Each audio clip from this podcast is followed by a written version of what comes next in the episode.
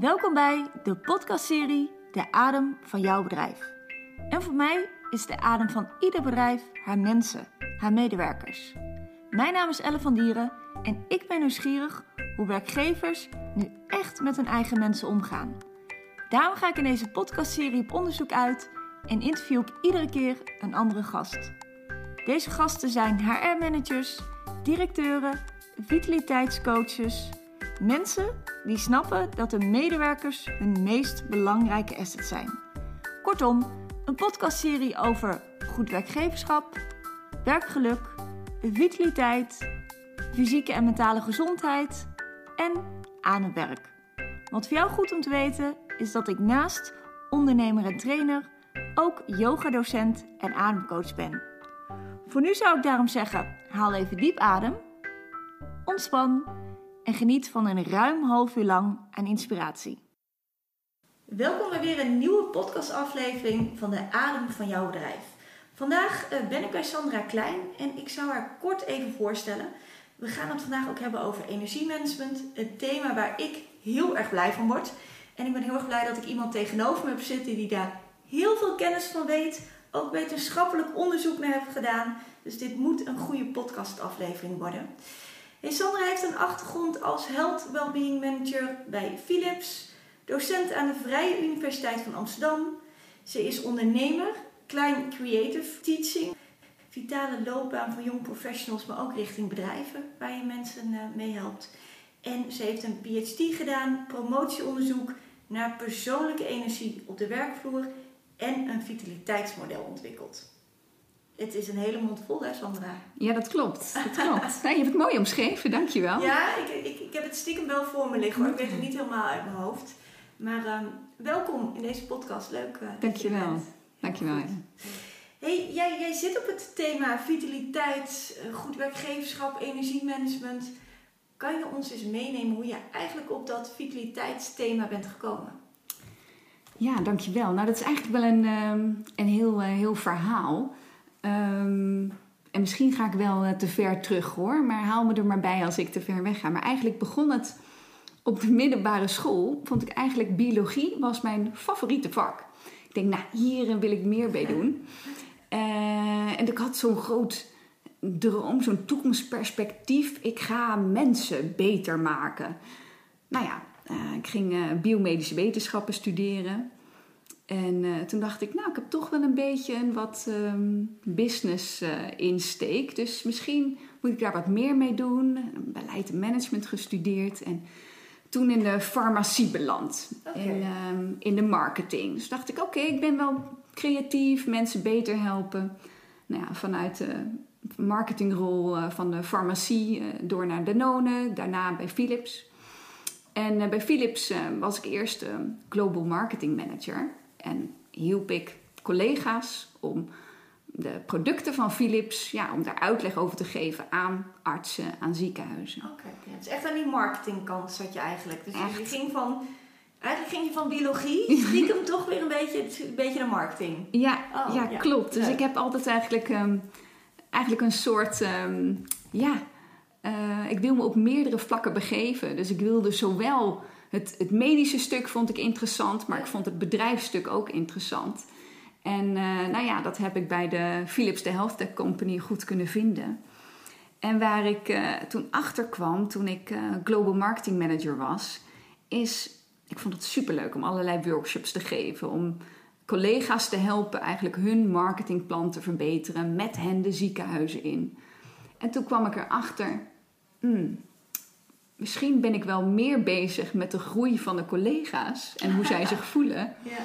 dan eigenlijk hoeveel producten verkopen we nou bij Philips. En dat was een moment dat ik dacht: hé, hey, ik wil eigenlijk meer. Waarom zijn uh, meer weten over waarom de mensen eigenlijk blij zijn op hun werk? Of wat ja. beweegt ze? En waarom is de een heel energiek en de ander niet? Of ikzelf, waarom is de ene baan of misschien zelfs collega's leidinggevende kost dat meer energie dan, energie dan de ander. En toen heb ik besloten om daar uh, onderzoek naar te doen. Uh, op de VU, dus, uh, om een PhD te gaan doen. En echt Wat deed je eigenlijk toen nog in je marketingfunctie zat? Maar dit kwam echt vanuit persoonlijk interesse. Dacht je, ik wil er meer van weten, ik ga daar Ja, is echt onderzoek weer naar doen. ja. Om dat wetenschappelijke weer een beetje terug bij je. Precies, precies. Dus ik was, eh, ik was helemaal eh, verweven met marketing. Ik denk, nou, Ja. ik wil toch eigenlijk meer dat wetenschappelijke stuk terughalen. En ehm, nou, toen ben ik daar naar onderzoek gaan doen. Toen ben ik erachter gekomen, als je kijkt naar persoonlijke energie... ehm, in de wetenschap is dat gekoppeld aan vier dimensies. Je hebt de fysieke dimensie. Dat is doorgaans het eten, slapen en bewegen. De emotionele dimensie. Dus in hoeverre sta je positief in het leven? Eh, kan je omgaan met tegenslagen? Wat is je mindset daarin? De mentale dimensie heeft te maken met in het nu zijn, mindfulness, gefocust. En tot slotte de spirituele dimensie. Eh, wat niet zozeer te maken heeft eh, met geloof of met zweverigheid, maar meer ehm, je Northern Star. Dus je, je purpose, de zingeving. eh, leef eh, het leven dat je wil leiden. En eh, Dus ben ik ondertussen blij dat iemand deze vier dimensies een keer uitlegt. Want normaal mag ik het heel vaak doen. Dus ik, zit, ik hang aan je lippen hoe jij dat doet. oh, nou, En je kwam op je PhD, dus inderdaad, je ging onderzoek doen. Je kwam op deze vier niveaus. Ja. En eh, dat was ook eh, de theorie die we toepasten bij Philips, waarin we toen echt gaan kijken naar energy management. Ja. Dus niet zozeer op, hey, hoe kan je nou een effectievere medewerker worden, maar hoe kan je beter je energie managen? Ja. En, En, en want, wat een tussenstapje, want- jij Mhm. zat dus eigenlijk bij Philips in de marketingrol. Ja. Jij ging dit daarnaast doen. Ja. En op een gegeven moment zag jij een kans om binnen Philips ook met dit thema aan de slag te Ja. gaan. dus dit Ja. energy management deed ik on top of mijn marketingbaan. Ja. Dus dat deed ik, er, eh, dat deed ik erbij. Ja.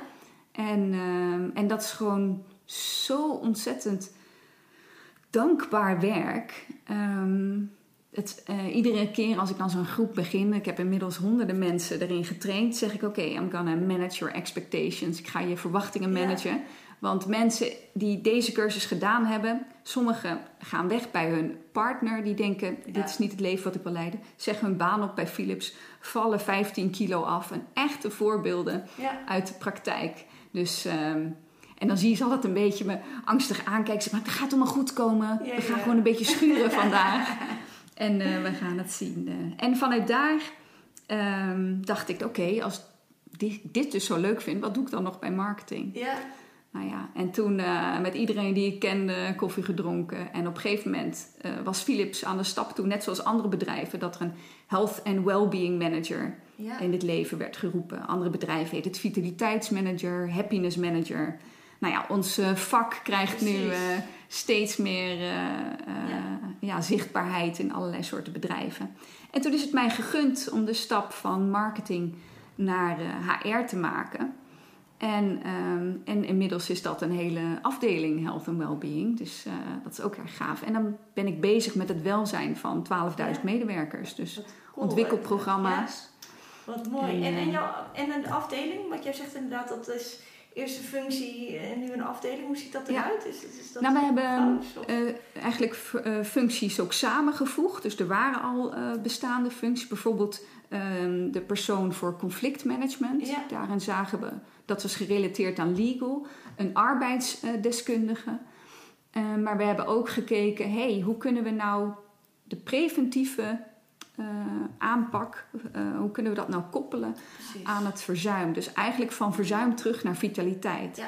En toen hebben we bijvoorbeeld ehm, eh, echt gekeken naar de praktijkondersteuners, bedrijfsartsen. En hoe kunnen we die met door case managers in huis te halen, die koppeling goed maken. Ja. Dus, en dat is een heel, heel team geworden. Mooi. Dus, Nou, Ja. Ik denk dat dit sowieso voor mensen binnen HR die luisteren al, al heel veel inspiratie kan opleveren. Waar, waar heel veel bedrijven nog heel erg zitten inderdaad aan de kant van weet je, behoud en, en verzuimreductie. Ja, wil je veel meer naar die preventiekant. En wel mooi wat jij zegt, hè, dat het best wel vaak losse functies zijn met allemaal verschillende afdelingen. Maar hoe maak je eigenlijk dat, dat cirkeltje rond? En dat is wel inspirerend om te horen dat het bedrijven lukt natuurlijk. Hè? Ja, Ja, ja, en het heeft denk ik ook heel veel met cultuur te maken. Dus Ja, welke, welke kant ehm, eh, wil je opgaan? En ehm, ja, in deze fase, ik moet eerlijk zeggen, ehm, eh, COVID-19 Ja. draagt er natuurlijk wel aan bij. Ja. Alle, het welzijn van de medewerker eh, staat nu enorm op één. Dus er worden enorme programma's nu omheen gemaakt. Tenminste, in de tijd dat we deze podcast Precies, opnemen. Ja, ja. Dus dat is wel mooi om, ja, echt mooi om te zien. En um, nou, vanuit die rol, wat ik ook nog heb gedaan, is ben ik gaan lesgeven op Ja. de VU. En dan werk je met studenten. En um, wat ik daar zie bij de jonge studenten, die zijn echt eager als jonge honden. Kom, we gaan aan de slag. en ik wil bij een, een goed bedrijf en die moet diversity hebben en die moet uh, goed betalen. Maar ja, ik moet ook wel een stukje zingeving vinden. Dus die zijn al heel erg aan het nadenken in hoeverre ze ja, betekenisvol werk kunnen vinden. Ja. Aan de andere kant zie ik uh, de young professionals bij Philips ook als een, in een rijdende trein stappen. En beide groepen zie ik ook wel tegen muren oplopen. Ja, zeker. Uh, gewoon te hard kunnen rennen. En toen dacht ik, oh wacht even, maar wat kan ik nou voor hen betekenen? Ik heb inmiddels zoveel kennis vanuit de literatuur op persoonlijke energie op het werk, Ja. wat eraan bijdraagt. En ik zie daarin een doelgroep die ik daar denk ik echt mee kan helpen. En toen heb ik de stap gemaakt om uh, klein creative teaching op te richten, mijn eigen bedrijf. Waarbij ik dus bedrijven, universiteiten en individuen help aan een uh, vitale loopbaan. Ja. Mooi. Wat, Dus, wat, een, wat een goed verhaal is dat. Dat is toch heerlijk. dat het eigenlijk begint met biologie en dan gewoon naar marketing. En dan komen we bij een grote organisatie en dan kom je op je, ja, weet je, je eigen purpose. En dan ontmoet je iets als energiemanagement. Je krijgt een kans bij Philips en universiteit. En nou ja, nu zit er gewoon Ja. een ondernemer tegenover me. Ja, nou zeker. Want uh, dat is helemaal vers van de pers. Maar ik heb net uh, mijn baan bij Philips opgezegd. Om uh, echt volledig voor mijn eigen onderneming te gaan. Dus een enorme sprong in het diepe. Maar het past ook wel helemaal. Ja. En de, de, het kwam eigenlijk een paar weken terug kwam het naar voren. Ik had net een energy management workshop gegeven aan die groep. En wat ik altijd aan ze vraag is... Stel je bent 90 en je kijkt terug op je leven, wat zou je dan anders willen doen? Nou, dan komen de antwoorden van meer tijd met mijn Ja. gezin, ik had andere keuzes willen maken, meer voor mezelf willen kiezen. En dan kijk ik de groep aan en dan steek ik mijn hand omhoog en dan zeg ik: Oké, wie van jullie had meer meetings bij Philips bij willen wonen? Nou, dan lachen ze Ja, ja, even. precies, ja. Dan zeg ik, nou, dit is het moment, vandaag, in deze training, ga je een andere keuze maken. Omdat als je 90 bent, je niet terugkijkt, hé, hey, toen dacht ik er anders over, maar heb ik het niet gedaan. En ik zou je zeggen, die avond zat ik lekker in de tuin en ik keek voor me uit en ik dacht, oh, maar wacht even, als ik nou op mijn 42ste een Ja. idee heb voor ondernemerschap.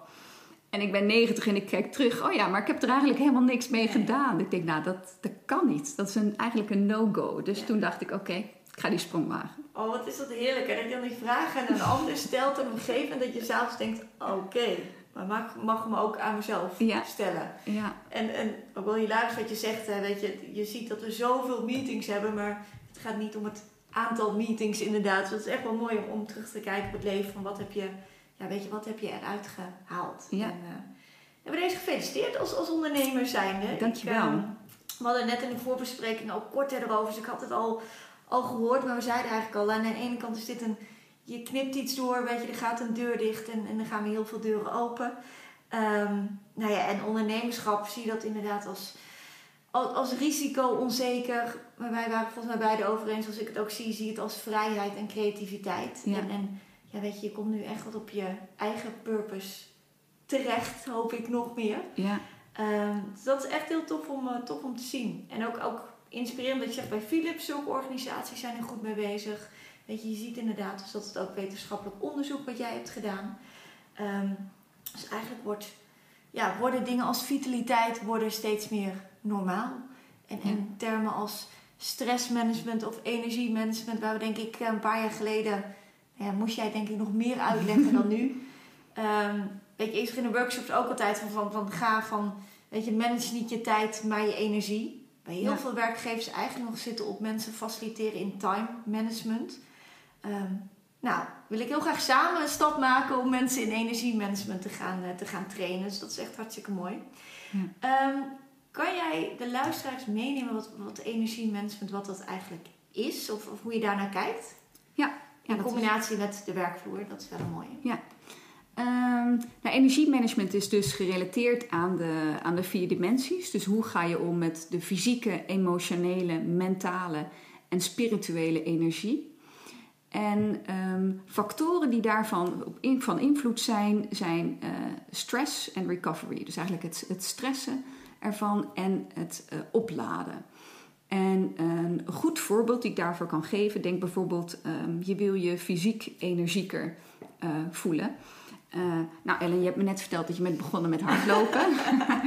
voor, de, voor de luisteraars. Nou ja, de eerste keer dat je ging hardlopen, hoe, hoe, hoeveel kilometer liep je? Nou, ik vertelde net dat het was 500 meter. Nee, voor mij was het echt wel even een, een stapje om, om zeg maar daar, daar aan te gaan starten. Dus dat, uh, dat klopt, dat ja. begon echt heel minimaal. Ja. ja. Ja, nou ja, je hebt een doelstelling om je fysiek energieker ja. te voelen. Dus je zegt, ik ga dat doen door, uh, door hard te lopen. Ja. Dus je moet jezelf op een bepaald niveau stressen. Dus je, je, je spieren moet je op een bepaald niveau stressen. Ja. Maar had jij die eerste dag in plaats van 500 meter meteen geprobeerd een hele marathon te lopen... dan had je waarschijnlijk een heleboel blessures gehad en misschien wel dingen uh, voor goed stuk gelopen.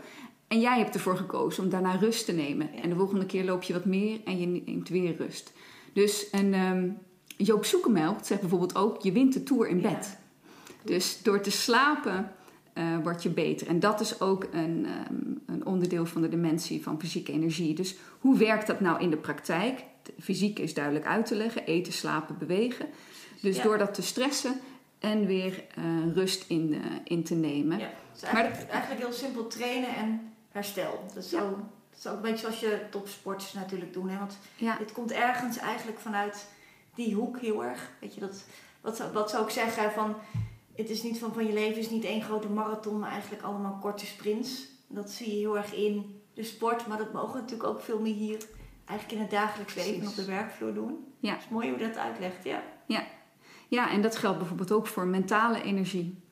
Dus uh, we zijn erg goed in staat om, zeker nu, back-to-back -back meetings, alleen maar full focus, focus, focus. Ja. Maar zolang we niet uh, opladen, ja, blijven we hoog zitten. Ja, en kan het burn-out of andere gezondheidsklachten tot gevolg hebben. Dus we moeten ook even een moment uit het raam staren. Even ademhalingsoefeningen doen, Ja. zoals jij heel goed weet. Uh, even totaal iets anders om te herstellen. En dat helpt. En uh, ja, wat ik uh, probeer duidelijk te maken aan de mensen om me heen is: pak die tijd ook. Dus iedere, ieder uur probeer daarvan minimaal, minimaal vijf minuten even helemaal los. Niet op je telefoon, even wandelen, even buiten. Of ik doe ook uh, jumping jacks even Ja. tussendoor. Het, uh, het kinderlijke arme benen zwaaien. Het is echt heerlijk, heel bevrijdend. Precies, ja. En, en zeg je dan eigenlijk van, van... We snappen op fysiek niveau dat we kunnen trainen. Snap je letterlijk, ik kan Ja. mijn spierballen trainen, ik kan mijn conditie trainen. Ehm, maar daarbij zeg je eigenlijk ook, ik kan dus ook op die andere niveaus... Dus mentaal, emotioneel, spiritueel, Ja, kan je ook trainen. ja, precies. Ja, Ik weet een beetje hoe dat werkt, maar wil jij eens uitleggen hoe dat werkt? ja dat is goed. Dat is Want ik goed. denk dat dat best wel interessant is. Mensen dat, dat fysieke trainen snappen we nog, maar hoe kunnen we dat op die andere vlakken Ja. doen? Ja, nou het, het mentale vlak wat ik net noemde, kan je trainen door eh, meer, ehm, eh, of eigenlijk die recovery kan je meer doen door echt die pauze eh, te pakken. Ja. En het schijnt ook dat als je echt full focused bent op één stuk, dus niet multitasken, maar echt tegen jezelf zegt: nu, deze tijd, deze, al is het 20 minuten, ga ik focussen op deze taak en daarna ehm, eh, loop ik even naar buiten.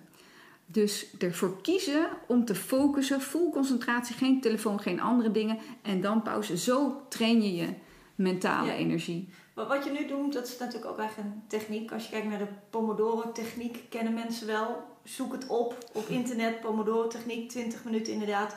Full focus, full engagement, aan je taak werken, rustmomenten.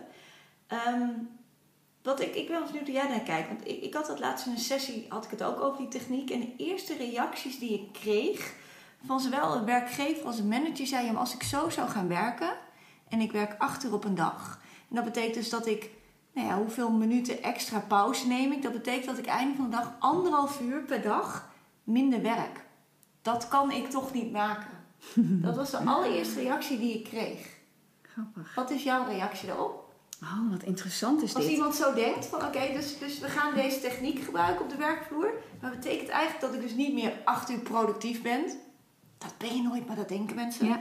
Dus ik ga deze techniek gebruiken. Maar dat betekent eigenlijk dat ik anderhalf uur meer pauze heb op een dag. En dat voelt toch niet goed? Dat kan ik toch niet maken naar mijn werkgever? Heel interessant. Dus die persoon gaf toe dat met de methodiek wel al het werk afkwam. Ja. Alleen daar dus minder tijd voor nodig had, ondanks dat er dus zoveel extra. Precies, maar gevoelsmatig werd dus gezegd, gevoelsmatig met dat niets doen, die pauzes, werkt het dus eigenlijk minder dan een ander.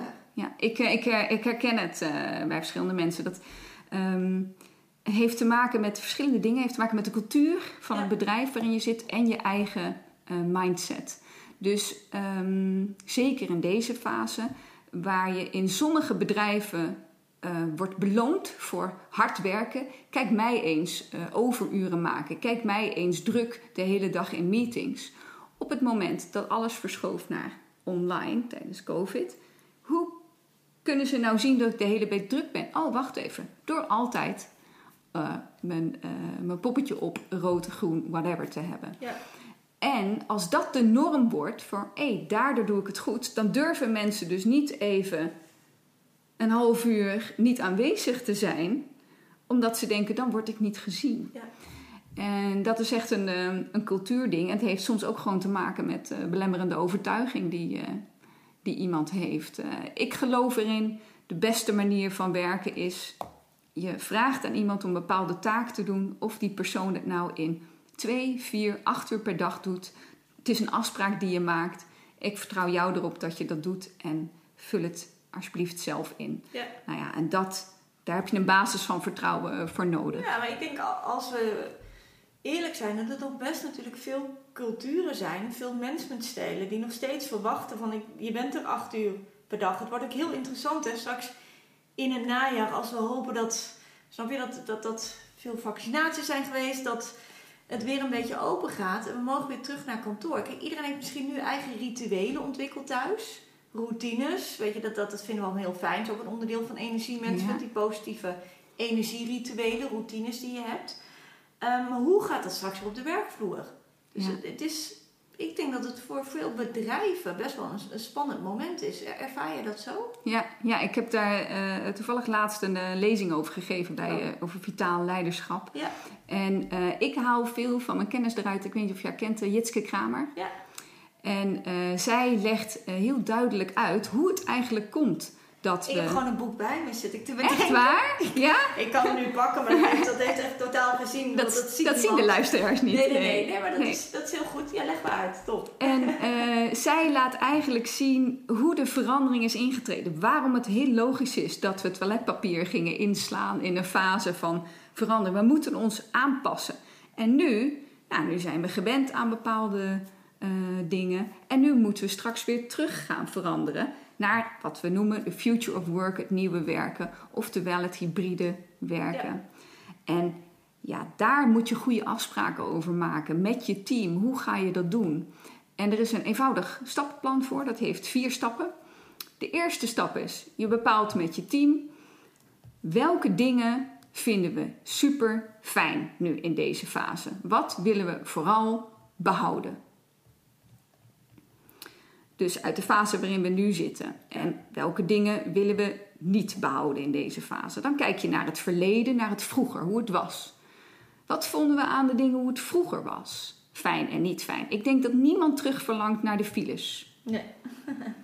Nou, dan heb je het heden en het verleden. En dan kijk je in, oké, waarom gaan we dan samenkomen? Voor welke activiteiten? En waarom blijven we thuis? Ja. Bijvoorbeeld gaan we brainstormen, komen we allemaal samen. Maar e-mailen gaan we niet meer gezamenlijk in een kantoortuin doen. Dat doen we thuis. En heb je nog een vierde punt over. Zijn er nog suggesties, ideeën, vragen voor de rest van de groep wat we niet hebben kunnen halen uit het verleden, het heden en het wie, wat, waar? Ja. En eh, ik denk dat dat erg eh, zal bijdragen aan het, eh, het, het goede hybride werken. Denk ik ook. Want dat is het ook. Als je ook kijkt, van zie je dit inderdaad, wat zij ook in haar boek heel mooi uitlegt, zie je dit inderdaad als een crisis of als een moment van transformatie. Ja, Ehm, maar ik denk, als ik heel eerlijk ben, dat er nog best wel managers daar wel hulp bij kunnen gebruiken. Weet je, dit, dit klinkt heel makkelijk, hè? deze vier stappen, vitaal leiderschap. Weet je, we gaan eens kijken, wat, weet je, wat vonden we fijn, wat willen we behouden. Ehm, Maar ik ben benieuwd of het gebeurt in de praktijk. Ja, ja, weet je wat ik nou zo leuk vind? Als mensen deze podcast luisteren en we zijn dan zo ver. Of wij een blik hebben kunnen werpen op gaat het lukken of, uh, of Ja, niet. ja. Of we dan ehm, ja, een toekomst, eh, eh, goede toekomstvisie hebben gehad. Ik. Ik geloof dat we niet meer volledig teruggaan Nee. naar vroeger. Dat we niet meer massaal op kantoor gaan zitten. We hebben allemaal aangetoond dat we heel goed thuis kunnen werken. Maar we zien ook, ehm, sommige bedrijven missen een stukje, eh, zeker bedrijven die in design, creatie zitten, die Ja. hebben elkaar nodig. Dat is Ja. toch moeilijk Ja. om het eh, niet face-to-face te doen. Nou ja, daar ontstaat een nieuwe vorm aan. Daarin gaan we transformeren. Ja, ja. En dit is denk ik ook wel een heel mooi bruggetje als ik mag maken. ehm, vanuit wetenschappelijk onderzoek, je hebt ook eigenlijk echt een vitaliteitsmodel ontwikkeld. En, en daarbij zie je ook aan de ene kant kijk je naar die vier niveaus, wat, je net al hebt benoemd. Ja. Weet je, het fysiek, mentaal, emotioneel, spiritueel. Ehm, we hebben het nu eigenlijk over de externe factoren.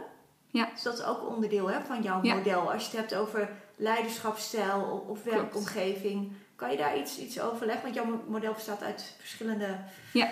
blokken met- pijlen ertussen. Ja, ik, ik zorg als we de podcast online zetten dat er ergens een, eh, een visual bij komt. Maar nu moeten we hem even proberen Ja. uit te leggen. Maar daar zit ook eigenlijk dat stuk externe factoren Ja. in, hè, waar we het net Ja. over hebben. Ja. Ja, dus als we ehm, de persoonlijke energie als uitgangspunt nemen. Dus hoe kunnen we nou fysiek, emotioneel, mentaal en spiritueel, hoe kunnen we daar nou vol in onze energie zitten? Zijn er eh, twee groepen die daarvan invloed zijn. Dat zijn de persoonlijke factoren en de externe factoren. En de externe factoren is dan de omgeving eh, waarin je zit, maar ook je directe leidinggevende.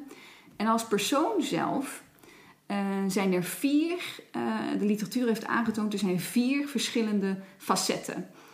Eén daarvan is wie ik ben, de andere is wat ik kan, de derde is wat ik doe en de laatste is wat ik wil. En als je dat voor jezelf in kaart hebt, dus waar je, wie je bent, waar liggen je, je, je competenties, goed bij jezelf voelen, wat, wat wil ik nou, waar ligt voor mij mijn Northern Star, en dan eigenlijk, hé, hey, welk gedrag vertoon ik eigenlijk? Ja. Dat zal je helpen in het vinden van vitale loopbaan en dus persoonlijke energie op het werk. Ja. En hoe daar te komen, dan pas je dus de stress en recovery toe op de verschillende dimensies. Ja. En dat ehm, model, voor zover de luisteraars het, eh, het kunnen volgen, ehm, ja, dat is op stapels eh, literatuur heb ik dat gehad, maar ook Stephen, Stephen Covey, die Ja. heeft er ook over geschreven. En ehm, ik is heb ook een beetje de basis van het full engagement verhaal Ja. natuurlijk. Hè? Dat zit ook heel erg hierin. Ja. ja, En het is ook wel als je weer kijkt naar... oh, die man heeft zo'n moeilijke naam. Omtrent het flow-model. Dat, ik denk dat niemand die mij een Russische naam kan uitspreken. Maar dit heeft ook heel erg met flow te maken. Wanneer zit ik in mijn flow? Dus weet je, wanneer heb je genoeg uitdaging, maar niet te veel? Wanneer zit je eigenlijk inderdaad op je strengths te werken? Wanneer niet? dichtbij? Ja. Ja, ja. Ja, ik kan me voorstellen dat hier, dat hier zoveel... Er is natuurlijk zoveel invalshoeken en literatuur over te vinden. Ja. Ja, en het, het leuke is dat we nu in een fase zitten dat we het ook steeds meer met elkaar eens worden. Over bijvoorbeeld nou, het belang van ademhaling, Ja. bijvoorbeeld. eh, waar jij nu erg eh, gedreven in bent. Ja, maar dat, Dus, dat, is eh, natuurlijk ook, dat, is, dat is ook grappig om te zien. Hè. Weet je, ik, ben al jarenlang met yoga bezig. En als je kijkt naar yoga's, weet je, als je kijkt naar Qigong, heel veel dingen, je heel veel zit natuurlijk op adem. Ja. Dus, Ja. eigenlijk waren we er heel erg mee bezig. Maar is dat best wel weer voor mensen, zit daar nog een imago op? Vinden we dat lastig? Vinden we daar iets van? Ehm, maar je ziet als zo simpel iets als adem, dat je dat op ieder moment, weet je, altijd zou kunnen doen. Dus het is best wel een mooie tool om ook naar de werkvloer te Ja. brengen. Dat, dat zijn die momentjes, die recovery momentjes. Ja? Ja, ja. Maak je daar veel gebruik zelf ook van in jouw... eh, als je het hebt over training op dat gebied? Ja, dat is echt uh, ademcoach eh, sessies. Ja. Ja, En dat is dan gekoppeld aan opladen tijdens werk. Dus als mensen aangeven, ja, ik vind het toch lastig om die pauzes te pakken, daar doen we ademhalingssessies uh, doen we daarin. Hoe wordt het ontvangen? Wat vinden mensen daarvan? Ja, erg leuk. Ja, ja, eigenlijk alles wat we plannen zit meteen uh, volgeboekt, Ja? zeg maar. Ja. ja. dus dat is wel, uh, dat ja, is wel het, is, het is die toegankelijkheid, hè? En het is Ja. natuurlijk gewoon eigenlijk, weet je, zeg wat de afstandsbediening, weet je, weet je, van je lichaam, de afstandsbediening van je zenuwstelsel. Weet je, parasympathicus waar je aan je herstelkant zit. Ja. Weet je, je sympathicus waar je veel meer aan je, aan je fight, flight, rest en restore. En dat kan je eigenlijk bedienen. Dus dat is wel echt... eh, Ja. Ja, mooi. Ja. En goed om te zien hoe je dat eigenlijk ehm, in zo'n model kan weergeven. Maar dan is natuurlijk de vraag, oké, ik zie nu iets Ja. op papier, ik zie een model. En nu? Kan ik er iets mee als, als op persoonlijk? Stel je voor dat iemand denkt van, oké, ik... eh, nou, dit, dit klinkt wel of dat ik ook zo'n soort stap wil maken of wil er iets mee. Kan je daar op persoonlijk niveau iets mee? Of, of kunnen juist mensen, HR-managers of werkgevers hier iets mee? Hoe, hoe kijk je daar tegenaan? Ja, ik heb verschillende manieren eh, heb ik dat vertaald naar de, naar de praktijk. Ja. Dus eh, voor het individu, stel er zijn mensen die geven aan van, ja, ik voel me toch niet helemaal eh, energiek of ik weet niet zo goed wat ik wil eh, of ik loop vast in, mijn- in mijn werk, ehm, wat dan te doen. Daar heb ik persoonlijke eh, trajecten voor gemaakt die specifiek kijken naar eh, wie ben ik, wat wil ik, wat kan ik en wat doe ik eigenlijk. Een hele behapbare, ehm, eh, met video's, maar ook persoonlijke begeleiding van Ja. mij uit om dat te definiëren. Want ik geloof om ergens te komen, ehm, moet je wel eigenlijk weten wat je wilt. En ik gebruik daar een, eh, navigatiesysteem voor. Ehm, want, eh, nou ja, Ellen, als jij We zetten, navigeert. gewoon, we zetten gewoon Google Maps aan naar mezelf. Nou, Of zo. nou, nou ja, wat, Was wat- het maar zo simpel? was het maar zo simpel? Er stond er maar zo'n app hè, die dat aangeeft. Ja, Misschien moet je Ja. ontwikkelen. Nou, wie weet, wie weet. Kunnen we eh, kracht. Maar goed, op het moment dat je navigeert, jij zit inderdaad in Google Maps. Belangrijk is om te weten, wat is je vertrekpunt? Ja. Dus vertrek ik van, van het huis, vanuit hier. Nou, wat is het volgende wat je invult? Is je Bestemming. bestemming. En dan pas bepaalt hij de route. Ja. Dus je kan niet al aan je route beginnen als je niet weet waar je naartoe wilt, waar je, je Northern Star is, wat je Big Fit Ugly Goal is. Ja. Eh, en niet weet waar je start. Dus niet eerlijk tegen jezelf bent, want dan pas kan je in actie komen. Nou, en dat breng ik in kaart met eh, eenvoudige oefeningen. Ja. En ehm, ja, dat is echt eh, zo dankbaar, zo leuk om te zien. eh. Er begint nu iemand heel hard te lachen en te stralen hier tegenover mij. Dat zie je ook niet. Maar je ziet dat dit wel eh, dat dit jouw ding is. Dus dat is hartstikke, Ja. hartstikke top. Ja. En, En- dan zeg je op persoonlijk vlak, kan je, neem je, begeleid je eigenlijk iemand Ja. in die route. Ja. Ja, precies. En wat ik dan eh, voor bedrijven en universiteiten doe, doe ik echt dat energy management stuk. Ja. Geef ik uitleg over de vier dimensies, over stress en recovery Ja. en hoe je, ehm, eh, hoe je daarmee aan de slag kan gaan. Ja. En ik help ook bedrijven met hun beleid op vitaliteit. Dus eigenlijk hetgeen wat ik nu, eh, nu gedaan heb, kan ik in adviseren. Ja. Eh, die vier punten die ik net noemde, wat haal je uit het eh, nu, uit het verleden? Wat gaan we waar doen? En zijn er nog nieuwe ideeën? Ja. Nou, dat zijn allemaal de verschillende facetten van, Mooi eh, hoe je van dat mijn kan toepassen. Ja. Goed. En als je nu kijkt, ehm, je hebt het over, je kan zo ook bedrijven hierin in begeleiden. Zou, zou jij misschien gewoon wat, wat tips kunnen geven aan iemand die nu luistert naar HR mensen zegt, nou weet je dat energiemanagement, dat klinkt eigenlijk wel heel interessant. Ehm, kan je iets, iets wat basisdingen delen? Van waar zou je kunnen starten? Of heb je een goede tip? Ja, wat een goede vraag. Ehm, Ik zet je even aan het denken. Ja, nee, het is helemaal goed. Nou, ik denk een van de allereerste dingen die, of je nou HR-manager of in die directie of gewoon een medewerker bent, wat is precies het probleem in het bedrijf of voor jezelf? Ehm, we merken nu namelijk, eh, om toch weer even de link te maken, er is een verlaagd werkgeluk, een, eh, verlaagde verbinding met ehm, anderen Ja. en een verhoogde eh, werkdruk. Ja. Oké, zijn dat de problemen die je wil aanpakken of is er totaal iets anders? Dus ga eerst naar, naar het probleem. Dat zou ik als. ehm, Hoe kom je daarachter? Dat Dat, is wel best wel een interessante natuurlijk. Hè? Dit vraag het aan de medewerkers. Ja. Vraag het Gewoon echt weer in gesprek gaan, connectie maken, verbinding maken. Echt vanuit de operatie ophalen. Ja. Want ik, ik zie nou ja, ook heel vaak dat er iets bedacht wordt natuurlijk. Boven de knal, weet je, we moeten daar iets mee. Maar we vergeten dat stapje eronder. Dus juist ook van, ik ga eerst echt even weer Ja. luisteren. Ja, ja ach, en er zijn zoveel eh, manieren voor om dat te doen. We kennen allemaal de, de bekende engagement surveys die we doen eh, op het werk. Een, eh, een methode die, ehm, die ik wel verfrissend vond. was een, een board en die zei: ehm, joh, we gaan nu kijken naar dit probleem, probleem X. En ehm, dinsdag tussen uh, 2 en 4 zitten wij in de kantine en hebben we allemaal roundtables. En iedereen in het bedrijf die er iets van vindt of iets te vragen heeft, kan met ons, kan met de board erover praten. En we gaan alles noteren welke ideeën er zijn. Dus één grote Dropbox-event dat dat was. Superleuk. Ja. Dus er zijn zoveel manieren om informatie te krijgen van medewerkers naast een, een survey of interviews of andere dingen. Ja. Uh, maar dat zou ook echt een eerste stap zijn. Dus wat is het probleem? Nou, stel, de luisteraar die zit, ja, maar dat weet ik al lang, want er, we weten al dat dit het, uh, dit het probleem is. Dat mensen weten al dat het werkdruk is. Ja, oké. Wat dan? Nou ja, dan is de vraag: waar komt het vandaan? Dus wat is de oorzaak? Uh, zit het in de, in de cultuur? Of is er een werkdruk ontstaan doordat uh, leveranciers failliet zijn gegaan? Of zijn, zijn er andere ja. dingen? Is het structurele werkdruk? Ja. Ja. Um, of komt het door iets anders? Ja, precies. Dus dan hoe is het ontstaan? En dan ja, dan heb je dus, hé, hey, wat is het probleem, wat is de oorzaak? En dan kan je daar, uh, daartussen gaan, uh, de aanpak op gaan creëren. Dus stel dat, het, dat het werkdruk is, zit dat in het management? Of zit dat in de persoon zelf? Ben je een bedrijf wat high achievers aanneemt, die alleen maar wil rennen, wil rennen, wil rennen? Nou, dan kan je dit in de workshops aanpassen voor de medewerker zelf. En dan kan gewoon met bijvoorbeeld prioriteiten stellen, grenzen stellen. Ja. Eh, dat soort type workshops. Zit het hem structureel in de cultuur?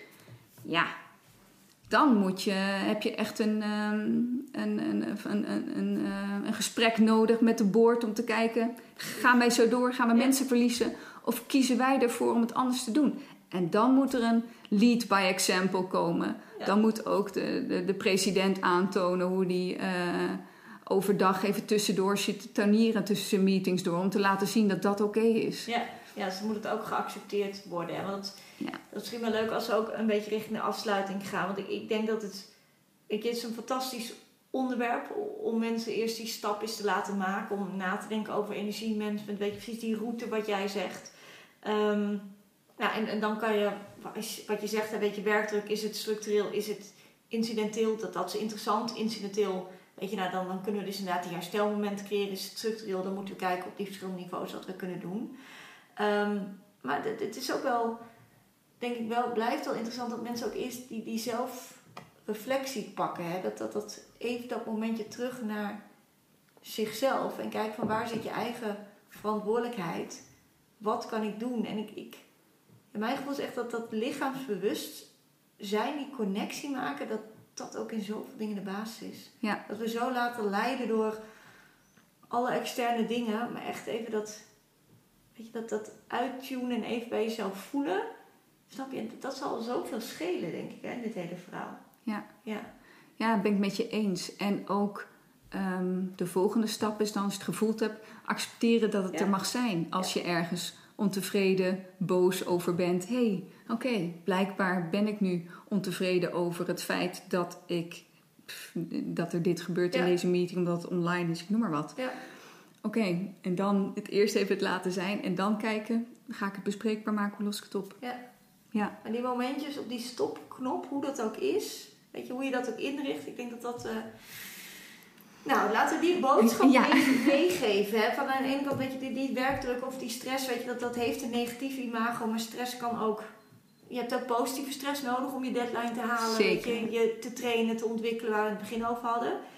Alleen zit het in die balans. Weet je, hoe vaak neem jij een moment van rust, herstel, recovery, om inderdaad daarna weer door te gaan. Ja, ja en voel je dus wanneer je dat moet doen ja. en mag je dat van jezelf? En is dat oké om dat te doen? Ja. Mooi, dankjewel. Heb jij um, meestal als afsluiting, ik heb er van tevoren eigenlijk niet gevraagd aan deze vraag. Um, als we kijken naar een volgende podcastaflevering, vind ik benieuwd of jij een gast in gedachten hebt. Die ook een beetje op dit thema zit van goed werkgeverschap, vitaliteit die hiermee bezig is. Zou je iemand kunnen bedenken dat je denkt, die heeft ook echt een heel goed inspirerend verhaal?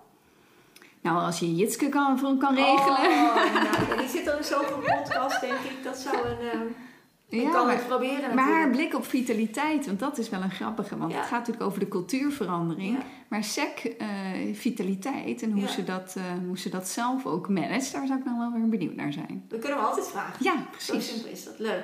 En dat is hartstikke leuk. En ook een goede tip ook om, eh, om haar boeken natuurlijk ook, je Instagram, om haar boeken ook te gaan lezen. Ehm, ik wil je bij deze bedanken. We hebben volgens mij lekker 40 minuten volgepraat. Ehm, wij gaan elkaar vast weer ergens tegenkomen. Dat, dat kan bijna niet op hetzelfde Dat thema waar we op zitten. Ehm, dus ja, ook voor de luisteraar wil je iets meer weten over dit thema energiemanagement. Sandra Klein zeker eh, aan te bevelen om daar eh, nog meer informatie uit te halen. Dus ehm, ik zou zeggen dankjewel en tot de volgende podcastaflevering. Bedankt voor het luisteren van deze aflevering van de podcastserie De Adem van jouw bedrijf. En in deze titel zit niet voor niets het woordje adem. Want wil je weten wat ademwerk voor jou en voor je medewerkers kan betekenen op de werkvloer? Neem dan vooral even een kijkje op mijn website www.ellevandieren.nl Ik zie je graag daar, maar ook weer in de volgende podcastaflevering. Tot dan!